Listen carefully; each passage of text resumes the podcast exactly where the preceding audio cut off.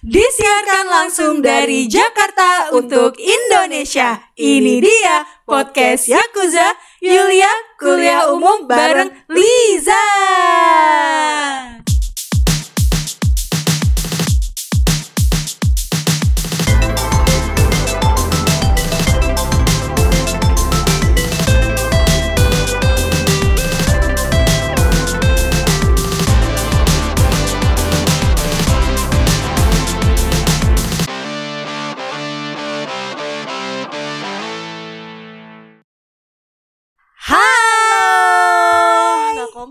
Halo, eh gue halo lu hai tapi gak apa-apa. Gak apa-apa karena perbedaan itu indah. Betul. Bineka tunggal ika lu. Woi, kita kan tetap bersatu. Yoi, apa kabar Rija? Alhamdulillah sehat. Lu gimana nih? Alhamdulillah baik. Emang nih agak-agak mendung ya hawanya. lama ya. Setelah sekian lama. Yang penting kita sehat. Alhamdulillah semuanya. amin. Ya, Semoga Yakuzur semua juga pada sehat. amin. Amin. Ya kan lancar kerjaannya, Amin. sekolahnya, kuliahnya Lunas lancar. utang-utangnya. Semoga nggak punya utang. Amin. Hmm, Yang belum menikah semoga didekatkan dan dikasih Amin. jodohnya. Amin. Ya Amin amin amin amin. Nah, ini kan lagi mendung nih, Ja, ya kan. Widih. Ini ini selalu eh, paling enak tuh kalau nostalgia ke zaman-zaman dulu. Karena iya gak sih kayak orang-orang kan juga kayak misalnya lagi hujan rintik-rintik syahdu terus tiba-tiba mengenang masa lalu baik itu dengan mantan Hmm. ataupun dengan hal yang lain. Jadi Hmm. kayak emang setuju. paling enak. Bukan enak, entah kenapa hawanya emang kepengen jadi me flashback ke masa lalu gitu. Iya, cuaca mempengaruhi ya. Bener. Tapi sayang kalau gue lagi mengenang masa zaman-zaman dulu lah gitu ya, mengenang masa nostalgia itu. Kenapa tuh? Kadang ada satu dua kali yang kayak sedih, kayak ke flashback ke masa-masa di mana itu nggak enak banget. Itu Oke. momen hidup gue yang paling berat, yang paling lowest, yang paling Titik terendah titik ya. terendah hitungannya. banget. Tapi Oh. justru tuh jadi yang membuat gue kuat. Itu Oh iya. bener bener banget jadi kayak mm, dari yang bener-bener eh di bawah banget yang kayak ngerasa gue nggak berguna tapi ab- abis itu gue jadi justru jadi semangat kayak gitu Eh, kenapa tuh? Bagi-bagi cerita sama Yakuzer semua. jadi gini Yuk. jadi jadi kenapa kita mau bahas ini karena beberapa waktu lalu gue eh, bikin question box gitu berdasarkan kayak ya main-main iseng lah kayak misalnya eh, kalau ada yang mau tahu tentang relationship status gue apa terus yang kayak hobi gue apa terus eh, pokoknya macam-macam nah ada satu pertanyaan yang bunyinya the most struggle struggle time eh iya time in in in your life gitu Hmm. nah itu akhirnya gue jawab gue bilang the the the most struggle ya pokoknya the toughest moment itu adalah Iya. waktu gue SMP karena SMP. SMP Hmm. itu waktu gue jadi korban bullying Oh ya, SMP Iya. tuh. Kenapa tuh? Kenapa? Kenapa? jadi em, aduh panjang sih teman intinya adalah gue itu gak punya teman teman gue tuh cuman bisa dihitung pakai jari lah gitu lima orang mungkin satu angkatan ya Hmm. ya semua kenal cuman yang kayak sampai deket sampai curhat tuh cuman lima orang empat lima Oke. orang Oke. sisanya gue dapet teman dari luar sekolah which is dari bimbel Oh dari bimbel. jadi saking gue nggak punya temen saking anak gue Nurul Fikri lo ya? bukan Oh, hehehe. SSC oh SSC. iya kira Nurul SSC Fikri. bukan Maju bersama Allah. Wih, ini gue dulu di Sony Sugema College ya oh itu iya. Bukan Primagama bukan? bukan Kira bukan GO juga Oh iya. agak mahal soalnya dulu ya gue dulu di SSC nah Oke. gue sampai eh, minta les itu karena ya emang kan mau ujian ya bilang ngebooster nilai kita juga kan maksudnya ngebooster persiapan kita untuk ujian nasional tapi sebenarnya ada satu tujuan terselip gitu ya tujuan kecil yang kayak terselip di benak gue waktu itu gue pengen cari temen saking gue gak punya temen di sekolah Hmm. parah banget jadi Kenapa sih lo gak punya teman? gue nggak tahu dari kapan itu persisnya cuman Oh, yang paling parah adalah ketika kelas 3 SMP ya udah mau lulus juga sih waktu Oke. itu jadi ada dua temen gue inisialnya Y dan R Hmm. itu Y dan R ini sebangku berdua gitu kan Hmm. ya udah kayak bestie banget lah entah kenapa out of nowhere dan gue nggak tahu juga dari kapan dan di mana tiba-tiba dia tuh paling nggak suka ketika gue nulis di kelas jadi nih eh, FYI kan gue tuh suka nulis dari kecil ya gue hobi nulis tuh dari umur 10 tahun 11 tahun lah itu gue terusin sampai sekarang ya makanya sekarang alhamdulillah gue bisa jadi copywriter Amin. Hmm, alhamdulillah.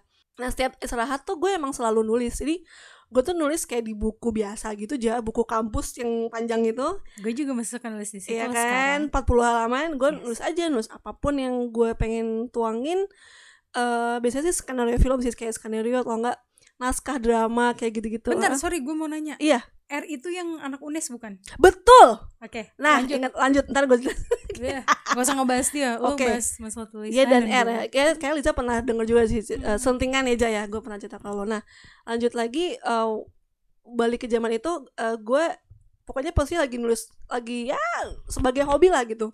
Ya namanya anak-anak remaja kan misalnya nggak suka istirahat keluar kelas kan ya udah stay di kelas. Teenager ya lah ya. Teenager ya kan stay di kelas ngapain kan dulu kan nggak ada handphone tapi kan dulu bisa ngobrol sama teman main kelereng ya nggak sih masih kayak nggak sih masih nggak sih kayak gitu SMP lo belum pada megang HP? HP tapi ada tapi kan HP-nya masih HP jadul gitu loh Oh iya. Iya, maksudnya bukan HP yang kayak BB gitu belum ada. Iya, Jadi kita masih HP pakai. yang masih HP yang Motorola Siemens gitu loh, yang Oh, Nokia yang Siemens. ya gitu. Jadi main handphone kan juga nggak terlalu boleh kan di sekolahnya. Intinya adalah gue menghabiskan waktu istirahat kedua itu di kelas eh, untuk nulis. Nah gue inget banget eh, semua orang lagi pada keluar kelas lagi jajan segala macem. Gue di kelas cuman berempat sama kayak gue sebangku namanya Desti. Halo Desti kalau dengerin podcast ini. Hai Desti. Eh, ini bestie gue banget dari SMP. Oh ini Desti Desti ini. Desti ini uh, emang kita agak lost contact cuman kadang-kadang suka sa- sapa di Facebook di Instagram jadi masih kontak masih keep in touch lah betul ya. Belum gitu. lost banget lah ya. bener nah Terus, terus, terus berempat nih gue Desti sama Sia dan R ini nah gue duduk di paling depan pojok kiri nah Sia iya. dan R ini paling belakang entah kenapa orang novel tuh si Ia ini teriak ngapain sih nulis-nulis? Kayak bisa jadi penulis aja. Gitu. Wah. Gua langsung kayak, gue langsung nundukin kepala gue gue mulai menumpahkan air mata. Kayak bisa nulis aja. Iya, terus. Desi ini kan garang nih anaknya dia galak banget. Dimarahin akhirnya Desi marahin si Ye apaan sih lo Eh, kayak ini aja sirik aja lo sama temen gue gitu. Gue dibelain alhamdulillah. Wah, keren banget Desti. Desti pahala lu gede banget Des. Amin, bener. Amin. Desti udah Lezi- nikah belum? udah ada punya anak satu Oh, semoga rumah tangganya harmonis dan juga bahagia kakek amin dia tinggal di. Kalimantan kebetulan Ah, Desti. seru banget gue bilang gue kalau nanti ini kan lagi ppkm juga kan nanti kalau udah corona udah Oh iya. pandemi udah selesai, gue mau main ke Kalimantan Oke, amin. Karena Terus, Desi ini bestie banget. Ini itu Desi kayak marahin si Ye dan R. Apa sih lo sudik aja sama temen gue. Jadi kayak intinya ngebelain dan gue udah yang nangis, udah yang kayak Hah, salah gue di mana sih? Kayak, Tapi masa digituin doang lu sampai nangis sih? ja lo salah gue apa sih? Kayak Ya lu gue nggak salah sih. Tapi Tapi, kan kenapa dia lu kan sampai nangis juga? karena itu nggak cuma sekali. Itu itu puncaknya. Jadi sebelum sebelumnya tuh gue kayak nggak ditemenin. Ada tugas kelompok gue nggak diajak. Makanya gue tuh sebenarnya agak-agak Itu kejadian Eh, puncak makanya lo nangis. itu dia karena sebelum sebelumnya kalau kita agak tarik lagi ke belakang itu ada momen misalnya gue eh, lagi di ya lagi pelajaran biasa eh, tugas apa tugas kelompok gue pasti yang terakhir yang nggak di yang nggak dimasukin ke kelompok Oh gitu. kan oke. tai Hmm. anjing banget Hmm. Oke. jadi nggak dianggap lah misalnya di kelas nggak dianggap Hmm.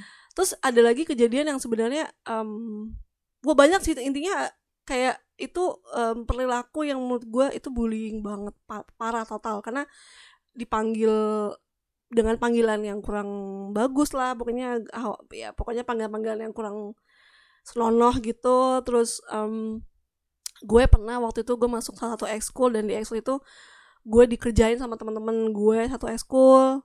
Jadi gue pernah di prank ditembak teman gue. Hmm. di prank loh anjir kan. Jadi kayak diangkot gitu kan. Itu kebetulan angkot itu isinya anak-anak SMP gue semua. Diangkot si teman gue ini satu satu ekskul sama gue eh mau nggak jadi pacar gue? Terus Hmm. apaan sih? Kayak gue cuman ya gitu kan dia jual-jual mahal gitu lah. Tapi pas gue tanya dia ke sekolah besokannya eh lu kemarin ngomong apa sih sama gue? Enggak gue ngomong apa-apa terus yang lain pada ketawa gitu di ekskul gue kan kayak gue di prank nggak tuh apa gue jadi sasaran empuk kali ya yang kayak cocok buat dijadiin bullying gue nggak tahu sih. Hmm. cuman kayak intinya banyak momen gue di direndahkan gitu Hmm. di kata-katain. Enggak, Mm. enggak, enggak sampai di dibully secara fisik kan? alhamdulillah nggak kalau fisik Enggak nggak ya. kalau fisik nggak cuman verbal aja eh sorry non Verbal. eh bener verbal Hmm, verbal tapi verbal. bener-bener kena banget Iya, oke. Eh, terus gue pernah jatuh dari kamar mandi tapi gue malah diketawain bukan tolong Ya, ini bener demi Allah Tapi lu jatuh sendiri kan bukan diselengkat gitu. Enggak, enggak, enggak. Jadi gue lagi mau kamar mandi. eh itu kebetulan kan kalau so- kalau siang sore itu kan pen- penjaga sekolah kan lagi bersih bersih lantai eh, Terus apa jatuh licin. kelar licin. Gue nggak hati juga sih. Gue jatuh gedubruk. Terus gue lihat darah ada nggak darahnya di sekujur tubuh gue di kamar mandi. Nah dari kamar mandi balik ke ruangan ekskul gue. gue malah diginin hah ngapain lu kotor bajunya lu ngapain habis dari comberan gitu Hmm. kayak di bener-bener nggak di apa kayak kamu kenapa? Gitu. Maksudnya bener-bener nggak ada perhatian sama sekali. Dan gue nggak tahu apakah itu gue terlalu baper karena nggak ditanya atau gimana. Cuman intinya em, setidak-tidaknya lu tanya apakah gue baik-baik saja atau tidak gitu loh. Itu Hmm. malah malah diketawain malah di malah di gitulah. Oke. itu sih itu cerita Oke. gue dibully dan itu gak enak banget. Dan sampai sekarang gue paling trauma sama yang namanya sekelompok bareng.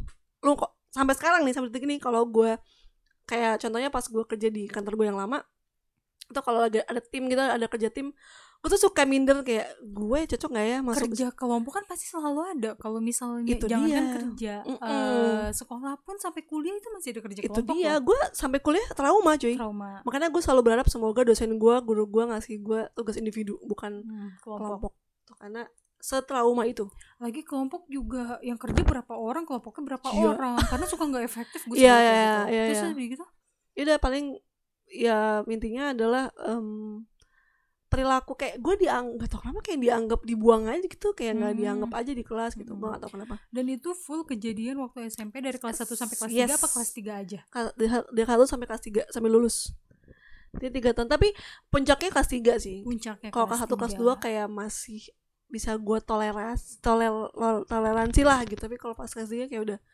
beban lu tuh udah numpuk banget, banget, uh, lah parah. ya. sampai gue inget banget jadi ada satu teman gue juga teman Besti juga nih selain Desti namanya Maya. Halo Maya. Ini gue ini sama Maya tuh lost contact banget. Aduh. gue sama Desti selalu selalu eh, WA ini orang ke mana ya Des ya? Gitu sih Maya Elia Putri. Ini buat kalian yang dengerin podcast ini kalau kalian kenal namanya Maya Elia Putri rumahnya Bukan di Meruyung. Bukan. Oh bukan. Tolong kabarin ke gue kalau lo ketemu orangnya karena gue kangen banget. Eh karena gue apa ya kayak banyak banget eh, utang Momen. budi gue gitu ke dia apa gini ada kejadian Semoga ketemu, ketemu ya kalian amin ya. ya gue pernah satu kejadian udah puncak banget itu yang setelah kejadian yang gue dikatain sama Y dan R itu em, kami itu ke eh Masjid Kubamas oh iya Kubamas yang oke. di Amari kan tuh dekat banget dari rumah kami kan kebetulan Maya kan tinggal di Meruyung di daerah situ Limo situ Hmm, dia bilang ayo main ke rumahku Limo, iya tahu tuh gue. main ke rumah dia sekalian diajak ke eh, masjid Kubamas itu eh, waktu itu kalau nggak salah lagi nggak sholat atau gimana pokoknya kita nggak bisa masuk ke dalam tapi kita di luar duduk-duduk. Sampai aduh gue mau nangis nih. Gue inget banget kata-katanya Maya. Dia, eh, posisinya kita duduk di depan nggak di depan banget sih kayak belakangnya pintu masuk Dian Amari. Kan dia emang belakang kan pintu masuknya. Nah duduk di taman-tamannya gitu eh, gue mencurahkan semua unek-unek gue soal yang di kelas itu soal yang di sekolah gue sampai nangis segala macam. Terus si Maya dengan udah beli air mata dia bilang gini salah kamu tuh apa ya? Aku juga nggak paham makanya aku juga nggak tahu salah apa." bener-bener sampai oh my god. iya karena si Maya juga melihat langsung perlakuan teman-teman gue di kelas tuh Oh dan dia ikut nangis. Nangis ja cari total. dia. Makanya gue kayak gue kayak mau keduk capil deh sekalian. Ke kelurahan mungkin atau ke pemkot kota Depok. Tanggung. Gue cari mana? Tanggung. Lu ke bin aja langsung oh iya bener bener. Nanggung tetangga gue orang bin sih. Nah, lumayan. iya, bener ya Ngapain lu keduk capil sih? Terus suruh fotokopi Oh, tapi aduh repot. Udah deh ngisi aja. formulir dulu gitu Ya, ya, iya, bener, bener. sono kalau Sip, enggak ke sip. Bais TNI oh iya kayak gitu jadi intinya cari sih orang Iya. kayak gitu. gue utang budi banget sama Tuh gue kalau jadi lu gue ya ya gue bakal terkenang gue bakal terenyuh juga lo nangis dia nangis. Nangis dia nangis dia Ya nangis. ampun. sampai karena sedalam gini Maya itu waktu itu gue gue paham banget kenapa dia ikutan nangis karena dia tuh sebenarnya nggak bisa milih keadaan itu. Kayak maksudnya eh, dia nggak bisa milih temen juga. Dia belain gue of course tapi, tapi dia juga nggak bisa jawab yang benar jadi ketika yang ada oke kerja kelompok Maya dapet yang sama siapa gitu gue sendirian. Maya tuh gak bisa nolong karena gue juga posisinya terhimpit dan gue paham. Makanya dia ikut nangis ketika gue nangis karena dia ngerasa I can feel you hmm. girl gitu kayak gue bisa ngerasain buat apa yang gue rasain makanya Iya. dia ikutan empati gitu dan gue Oke. uh, sangat eh, respect sih sama kayak temen siapa pun kalian kalau kalian tuh gue nggak minta kasih kasihan tapi once kalian ngasih empati kalian ke gue gue akan sangat respect karena ya itu yang menolong gue untuk nggak stres nggak sampai ini mending ya gue nggak sampai pengen bunuh diri gue nggak sampai apa bener gue hampir peng gue alhamdulillah nggak pernah kepikiran buat bunuh diri tapi gue hampir pengen kabur dari rumah waktu itu saking udah uh tapi menurut gue memang ketika eh, kita lagi ada di titik terendah Iya. ketika ada satu orang seperti Maya itu itu Mm. bagikan mungkin Maya itu kepanjangan tangan Tuhan kali ya mungkin iya dia adalah kayak perantara penolong. Allah supaya bener. lu tetap ada orang yang Yes, menjaga. Karena kalau lu lost bener-bener nggak ada. Gue nggak tahu apa yang terjadi sama lo nggak tahu. Gue nggak di sini sekalian. mungkin sekarang kita nggak ada mungkin gue Yakuza. udah ke Suriname kali ja. Oh, hilang. Pakai bahasa Jawa Inggil apa? Bener. Ngoko lu di kayaknya sih ya. Kayaknya sih gitu. Oh. ini nggak ada Yakuza nih mungkin ya. bener Aduh. kan. Gue nggak jadi copywriter juga. Dan Betul. thanks juga untuk Ia dan R yang sudah membuli gue karena gara-gara kalian saya sekarang lu udah alhamdulillah. Jadi penulis beneran alhamdulillah. Dan sekarang gimana tuh? Dia masih hidup? Alhamdulillah sih kayak masih hidup. Cuman ya gue gak tahu nasibnya mereka kayak gimana.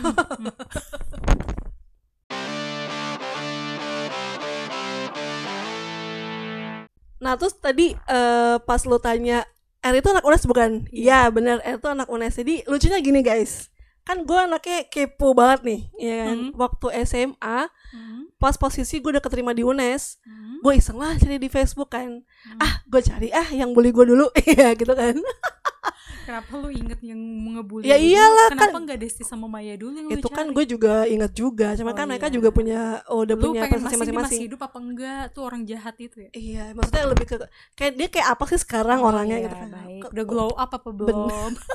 Ya enggak juga Apakah dia pakai nanya juga. senemait atau, bu- atau belum? Oh iya. Itu keras men. Kelas ya? Gue ketik namanya dia di Facebook gue tau banget namanya. Eh FYI juga nih tetangga gue sebenarnya. Dia dekat di rumah gue rumahnya sini. R iya. Oke. Iya beda satu RT lah sama Beda gue satu ya di komplek yang sama? Nggak dekat ya pokoknya eh, apa dia kampungnya? Lu- kampungnya. Oh, di di kampung kampung. sebelah eh, komplek gue lagu lu? Gue nah gue iseng kan ketik namanya dia di Facebook. Tek tek tek tek tek, nemu. Wah nemu nih ya kan? Nah. wah pas gue lihat kuliah Universitas Negeri Semarang. Fakultas gue langsung yang kayak wow aku terkesima aku terkesima melihatnya. Berarti ini menandakan derajatku lebih tinggi dari dia sekarang. Atau sama gitu kan. Maksudnya ini ini bukan gue sombong cuman intinya waktu itu di posisi di saat gue nemu si R ini kuliah di UNESCO gue kayak ya Allah ini pertolongan Allah nggak sih? Kayak Betul. bisa bisa. Em dulu dia bully gue tapi kayak sekarang kita sama loh. Atau mungkin bahkan oh lu Iya. menurut gue ini gue bukan subjektif ya bukan Iya, iya, karena iya, lu karena ini partner gue, dia aku iya. bisa oh, bisa jadi kayaknya hmm, lu di atas dia alhamdulillah amin Iya. amin amin amin amin Nah, amin bukan ini bukan gue subjektif Enggak, ya. Gue iya. gue selalu objektif menilai kok insya Mhm. Allah. dan gue sebenarnya lebih ke motivasi gue sih kayak ah ini gue nih sekarang tuh kayak gini gitu nih gara-gara lo juga sih Hmm. sebenarnya Eh, tapi ket- berteman di Instagram sama Instagram pernah follow tapi kayak dia udah gak main Instagram juga dan gue pernah ketemu dia di UNES oh aduh waktu nice. makan di aduh gue lupa. Di Bu Erni? Bukan. Eh, di fakultasnya dia. Oh, fakultasnya adalah gue pokoknya gue pernah kuliah di fakultasnya dia. Oh lu MKU di sana. MKU di sana. Lu gue sengaja nyari dia. sengaja nggak sengaja ngontak dia. Eh oh. ketemuan yuk ya hai yang mulia aku. Ketemuan lo ya akhirnya makan bareng ya kan. Terus pernah pulang ke Jakarta bareng juga. Oh, Wow, nggak kan. canggung tuh ya? Oh enggak dong. Saya kan kayak udah kipas-kipas ya eh, sikat-sikat alis gitu kan. Eh Hmm. gimana sekarang? Kamu kuliah di UNES juga ya? Ya kayak gue kayak ketawa puas gitu aja ya. Lo bayangin gue dibully yang sebegitunya kayak mereka merendahkan gue. Hey aku tidak serendah itu. Nyai. Rongrong. Jomblo rongrong. Itu ya kayak gitu. Tapi sebenarnya uh, ada bagian-bagian cerita lain yang menurut gue sama-sama sedihnya sih yang kayak gue kalau masalah gitu ya Allah tapi memang lu apa ya masa pembulian di saat teenager yang emang Hmm. emosi masih labil Yes. itu fatal banget Pang- banget banget banget banget fatal banget Hmm. dan Gua- dan bullying itu tuh selalu ada di mana pun loh Yul sampai ka- sampai bukan kapan pun cuman, bukan ada cuman lu di bullying. SMP lu gitu sampai kapan pun sampai kapan ada di tempat kerja di tempat main mungkin atau nongkrong Uh-uh. gimana pasti ada sih gue juga bingung gitu ya Hmm. Untuk mengikis itu kayak gimana sih kayak gitu Hmm. dan emang setiap individu kalau Hmm. menurut gua ketika dia masih kecil kita tuh emang harus ditanemin kayak semacam apa ya kayak tata krama Iya. kayak bersosialisasi gitu kayak Iya. bersosialisasi cara komunikasi Yes. kalau nyokap gua kan emang ngajarin kayak gitu banget ya oh ya lu pernah cerita juga ya waktu kita bahas rasisme ya iya ya kurang lebih kayak gitu kan Iya, Hmm. bahkan gue kalau ngomongnya kalau misalnya gue bicara nih, Hmm. eh, sebenarnya menurut gue ini biasa aja. Cuman kalau misalnya nyokap gue denger itu gue nada-nada ngebentak, Mm-mm. gue pasti koreksi sama dia nggak boleh ngomong kayak gitu. Iya, Oh, pasti ngomong kayak pasti. gitu, gitu. Mm-mm. Makanya banyak banget kayak temen gue bilang, aduh lu kalau ngomong kayak orang Solo deh. kayak gitu lu kalau ngomong kayak gitu kayak kayak- karena Iya, gue iya. pelan karena memang gue emang udah dididik dari kecil kayak Pasti, gitu pasti, pasti. terus gue nggak boleh juga ngomong kayak gini nggak boleh nanti orang sakit hati Nah, ya gitu. itu. Mm-mm. Dan Nggak- karma is exist, you know. iya betul Karma tuh sangat berlaku. Even kayak gue juga belajar dari situ bahwa ya udah gue emang nggak boleh bully orang juga gitu, nggak boleh nggak boleh em, menyepelekan orang, nggak boleh merendahkan nggak orang boleh kayak gitu. sangat sangat tidak boleh Mm-mm.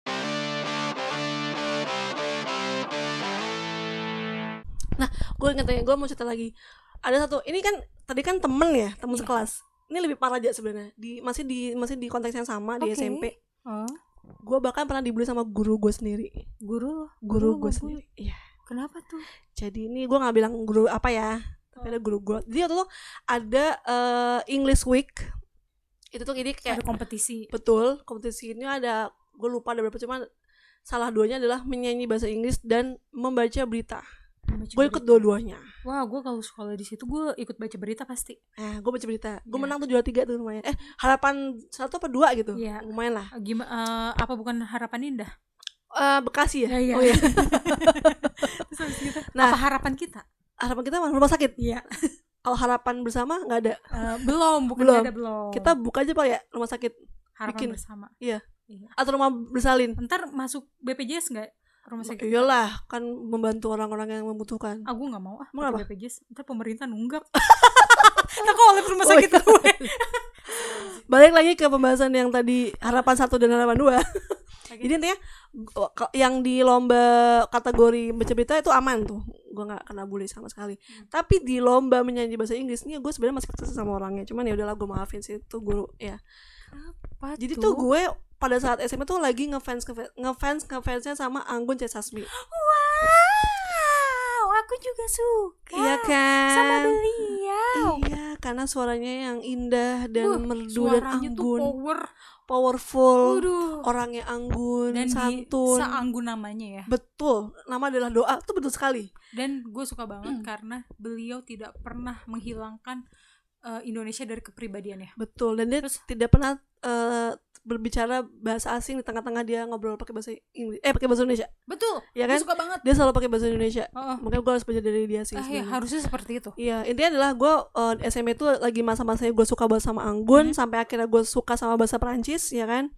Nah, gue ini pas lagi ikut lomba menyanyi bahasa Inggris itu, gue memberanikan dia untuk nyanyi lagu salah satu lagunya Anggun yaitu Snow on the Sahara. Coba mengerti Ah, itu, eh bukan tuh Rose and the Wine. Dari perasaanku tentang semuanya biasa adanya. Oke. Gue nyanyi on the Sahara. Oke, baik. Eh, itu lagunya gimana gue udah lupa. Ya, gua gua gua tahu Tahu lagu kan? itu. Mm. Nah, pas lagi gue mau maju, gue kebetulan eh, nomor pertama tuh yang maju. Wow. pakai lirik. Untungnya sih boleh pakai lirik. Itu tuh suruh nyanyi aja. Nah, karena kan sebenarnya yang dinilai kan artikulasinya kan. Kalau soal suara katanya nomor dua katanya gitu. Jadi yang penting artikulasi dan intonasi. Harus Pelafalan jelas. bahasa Inggris. Karena juga bahasa Inggris Euro eh Euro Week, English Week gitu kan Betul. ketika gua maju eh sorry sebelum gua maju itu guru nih gini kan lihat daftarnya kan gue gini siapa nih yang berani-berani nyanyi lagu ini kata dia gitu Iya masa lu kudu nyanyi Twinkle Uh, twinkle little star. Atau enggak Ya, row row row your boat jumping on. The bed kan nggak Oke. gitu dong nggak lagu-lagu komelon juga. sleeping? Are you you sleep atau the wheels on the bus go round. Nggak ya, gitu itu lagu dong. ponakan gue. Itu. Na, na, na, na, na. Iya masa gue nyanyi lagu Twinkle Little Star? Kan nggak mungkin. Ya gue beraniin diri dong nyanyi lagu Oh, kan yang Syara penting bahasa Inggris. Itu urusan berani-beraninya ya lu berani emang kenapa Iya, harusnya kalau kan lu udah milih ya artinya lu berani berarti kan harusnya mengapresiasi anak murid itu mau maju Betul. lomba untuk itu nyanyi bahasa Inggris lu kepedean apa lihat. percaya dirinya harus diapresiasi dong iya dong. karena kan dari Kenapa segi jadi ngeliat lagunya Ah, itu makanya Emang dari sekian ribu eh emang teman-teman lu pada nyanyi apaan lupa Twinkle. enggak sih nggak. pokoknya kayak zaman dulu kan masih ada NSYNC masih ada Britney Spears masih zaman zamannya kan Britney Spears Iya. Mama I'm in love with a Oops, criminal I did it again. Na, na, na, I na, feel in you your heart. Oke, cukup. die Nanti jadi idol nih. Mama please don't cry I will be alright gitu Britney Udah Spears aja yuk episode ini. Gak nyanyi sih? Ya intinya adalah Hmm? guru gue ini tuh eh, terdengar sangat tidak apresiasi dengan murid-muridnya yang mencoba itu untuk meraih percaya diri yang lebih gue tinggi. sebel banget Gua Kan sebel banget. remaja ya, lagi berkembang-berkembangnya gue gitu. mau nanya dia guru apa bukan guru BK kan? Aduh, bukan, bukan. Ada lah guru bukan bisa Kalau sebentar gitu karena tuh gitu lu ketahuan gimana tuh pas sedih sih dia. respon Wah, gue langsung kayak gitu? ya elah salah lagi gue di kelas begitu guru gue begini Hmm. lah salah gue di mana dah gitu gue dalam hati gitu doang jadi kayak udah pas gue nyanyi kayak padahal gue udah pede banget tuh kalau menurut gue itu lu bukan dibully sih tapi lu tidak dipercaya aja. Tapi ya sih tapi maksud gue itu kenanya juga bullying juga sih. Karena kan Oh ya?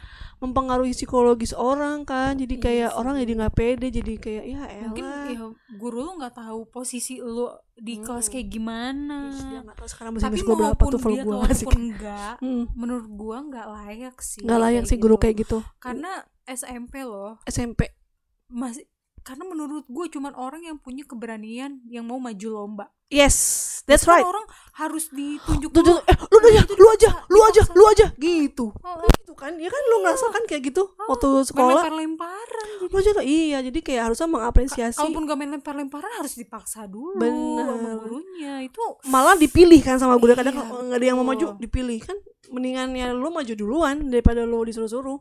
Berarti kan lu udah punya percaya diri yang 100% gue mau nanya terus habis nyanyi lu dapet juara berapa? Nggak dapet sih kalau nyanyi. Nggak apa-apa yang penting lu Tapi, udah menunjukkan. iya betul. Dan tapi di baca berita gue dapat harapan satu itu. Lumayan oh iya? Iya. Karena gini ponakan gue lomba 17 Agustus Mm, bukan sebelum pandemi ya mm. kan bilang tante tapi aku nggak juara teman-teman aku yang juara. Oh, oh gue pernah cerita, lu pernah cerita kayaknya. Iya bilang, eh, masih inget. iya. Nggak apa-apa Ryan. Tante sih nggak penting kalau Ryan yang penting Eh, udah ikut eh, lomba. Tante seneng kalau misalnya Ryan juara tante seneng. Tapi kalaupun enggak juara ya nggak Nggak apa-apa. Yang penting Ryan udah mau berani. Bener. nice. Gue kasih jempol jempol. Bener. Nah gitu jadi pelajarannya adalah menurut gue nih kita nih nanti ngajarin ke anak cucu kita tuh harus kayak gitu Ini kayak bener-bener. krisis moral sih kalau kata gue ya kan tau gak sih? Lu lu ngerasa gak sih banget. Krisis moral Banget. kayak lu tuh nggak bisa mengekspresikan apa yang lu pengen tunjukin. Mengapresiasi lebih dan mengapresiasi juga. Jadi mengapresiasi apa yang pengen kita ekspresikan ke orang akhirnya direndahkan duluan akhirnya kita jadi kayak down banget. Itu kalau nggak kuat mental lu bisa bunuh diri menurut gue sampai kayak maksudnya efeknya yang paling parah ya. Karena lu kayak nggak dipercaya orang orang tuh nggak trust lo sedangkan lu sebenarnya bisa gitu loh tapi jadi karena nanti jatuhnya lu ngerasa lu nggak diterima di lingkungan Nah, itu. kayak gitu gue Itu nggak sih suka kayak gitu sih yang menurut gue tuh agak riskan ya yes ya apalagi usia-usia labil aduh bahkan usia 20-an Betul. kalau misalnya ada orang yang Mm. dibullying gitu Mm. gue inget banget Yulia Mm-mm. itu eh, beberapa tahun yang lalu ada berita kalau salah satu kampus swasta Mm-mm. ada satu anak tuh yang dibullying jadi nih Uh. dia kan lagi jalan nih Uh-uh. si anak ini si anak ini lagi jalan terus diputerin sama apa tuh namanya buset. beberapa temennya terus habis gitu sampai dilempar tempat sampah. Ih parah banget. Dan parah itu ada yang ngerekam gitu sampai kita. Kayak gitu. Terdengarlah menyebar di sosial media Pasti cepet viral. Hmm, iya. Ya kan? Habis gitu kampusnya tuh ngambil tindakan. Uh-uh. oh tindakan uh. ambil tindakan. Si anak-anak yang ngebully itu Mm. itu dikeluarin. Ya iyalah harus harus harus menurut gue bagus tuh karena menurut tegas. gue Mm. lu udah umur 20-an pun kepala dua biasa kan kalau anggap aja kepala dua lah ya Mm, mm, mm. tengah-tengah Iya, apalagi 20, kuliah kayak 21, gitu, iya. Ah, ah, ah, ya ah. 19 20 udah gitu Mm-mm.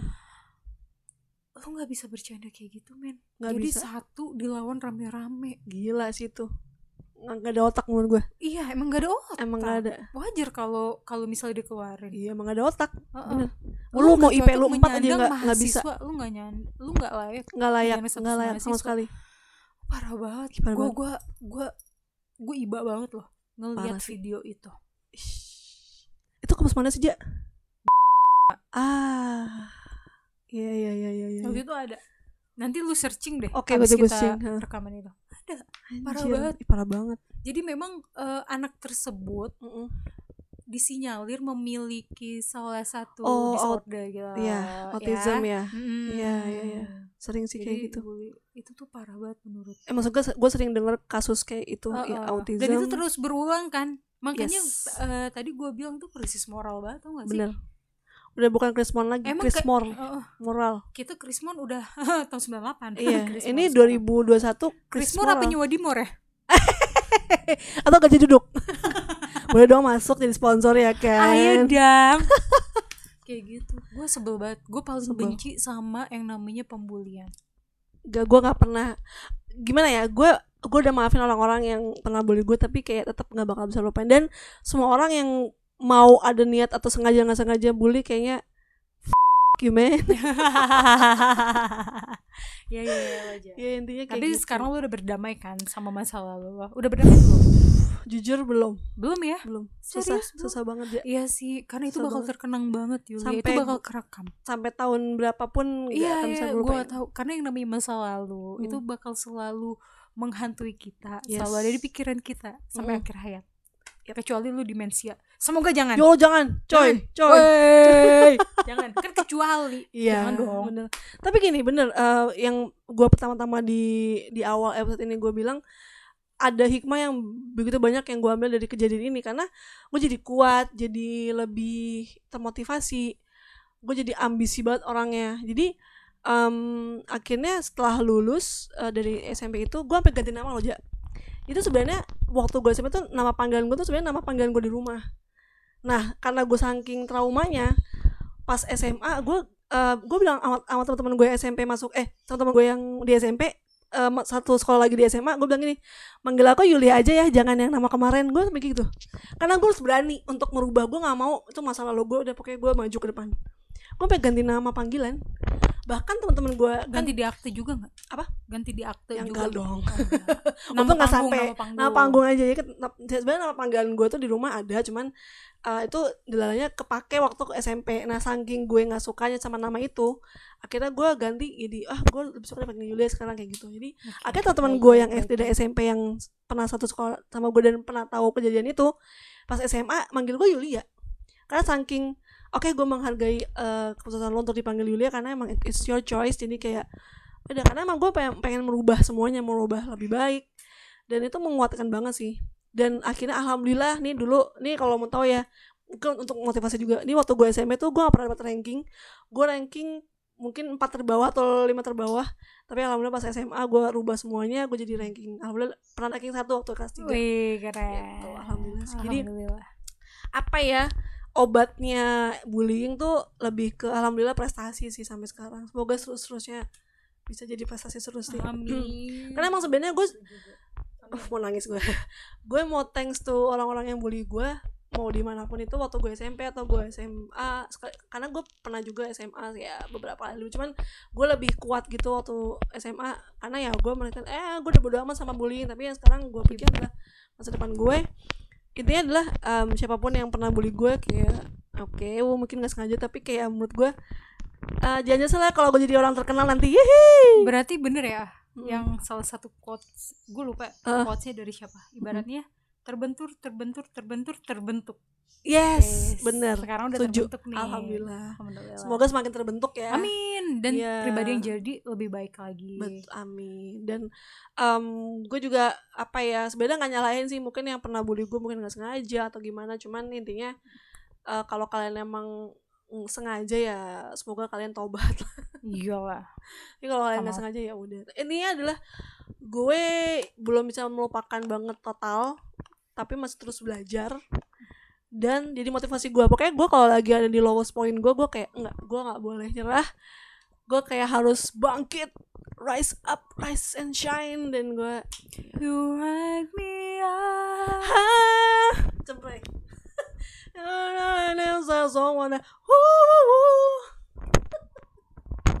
American Got Talent. Lu lewat lewat doang doang gak dikasih tiket ya eh. Salah.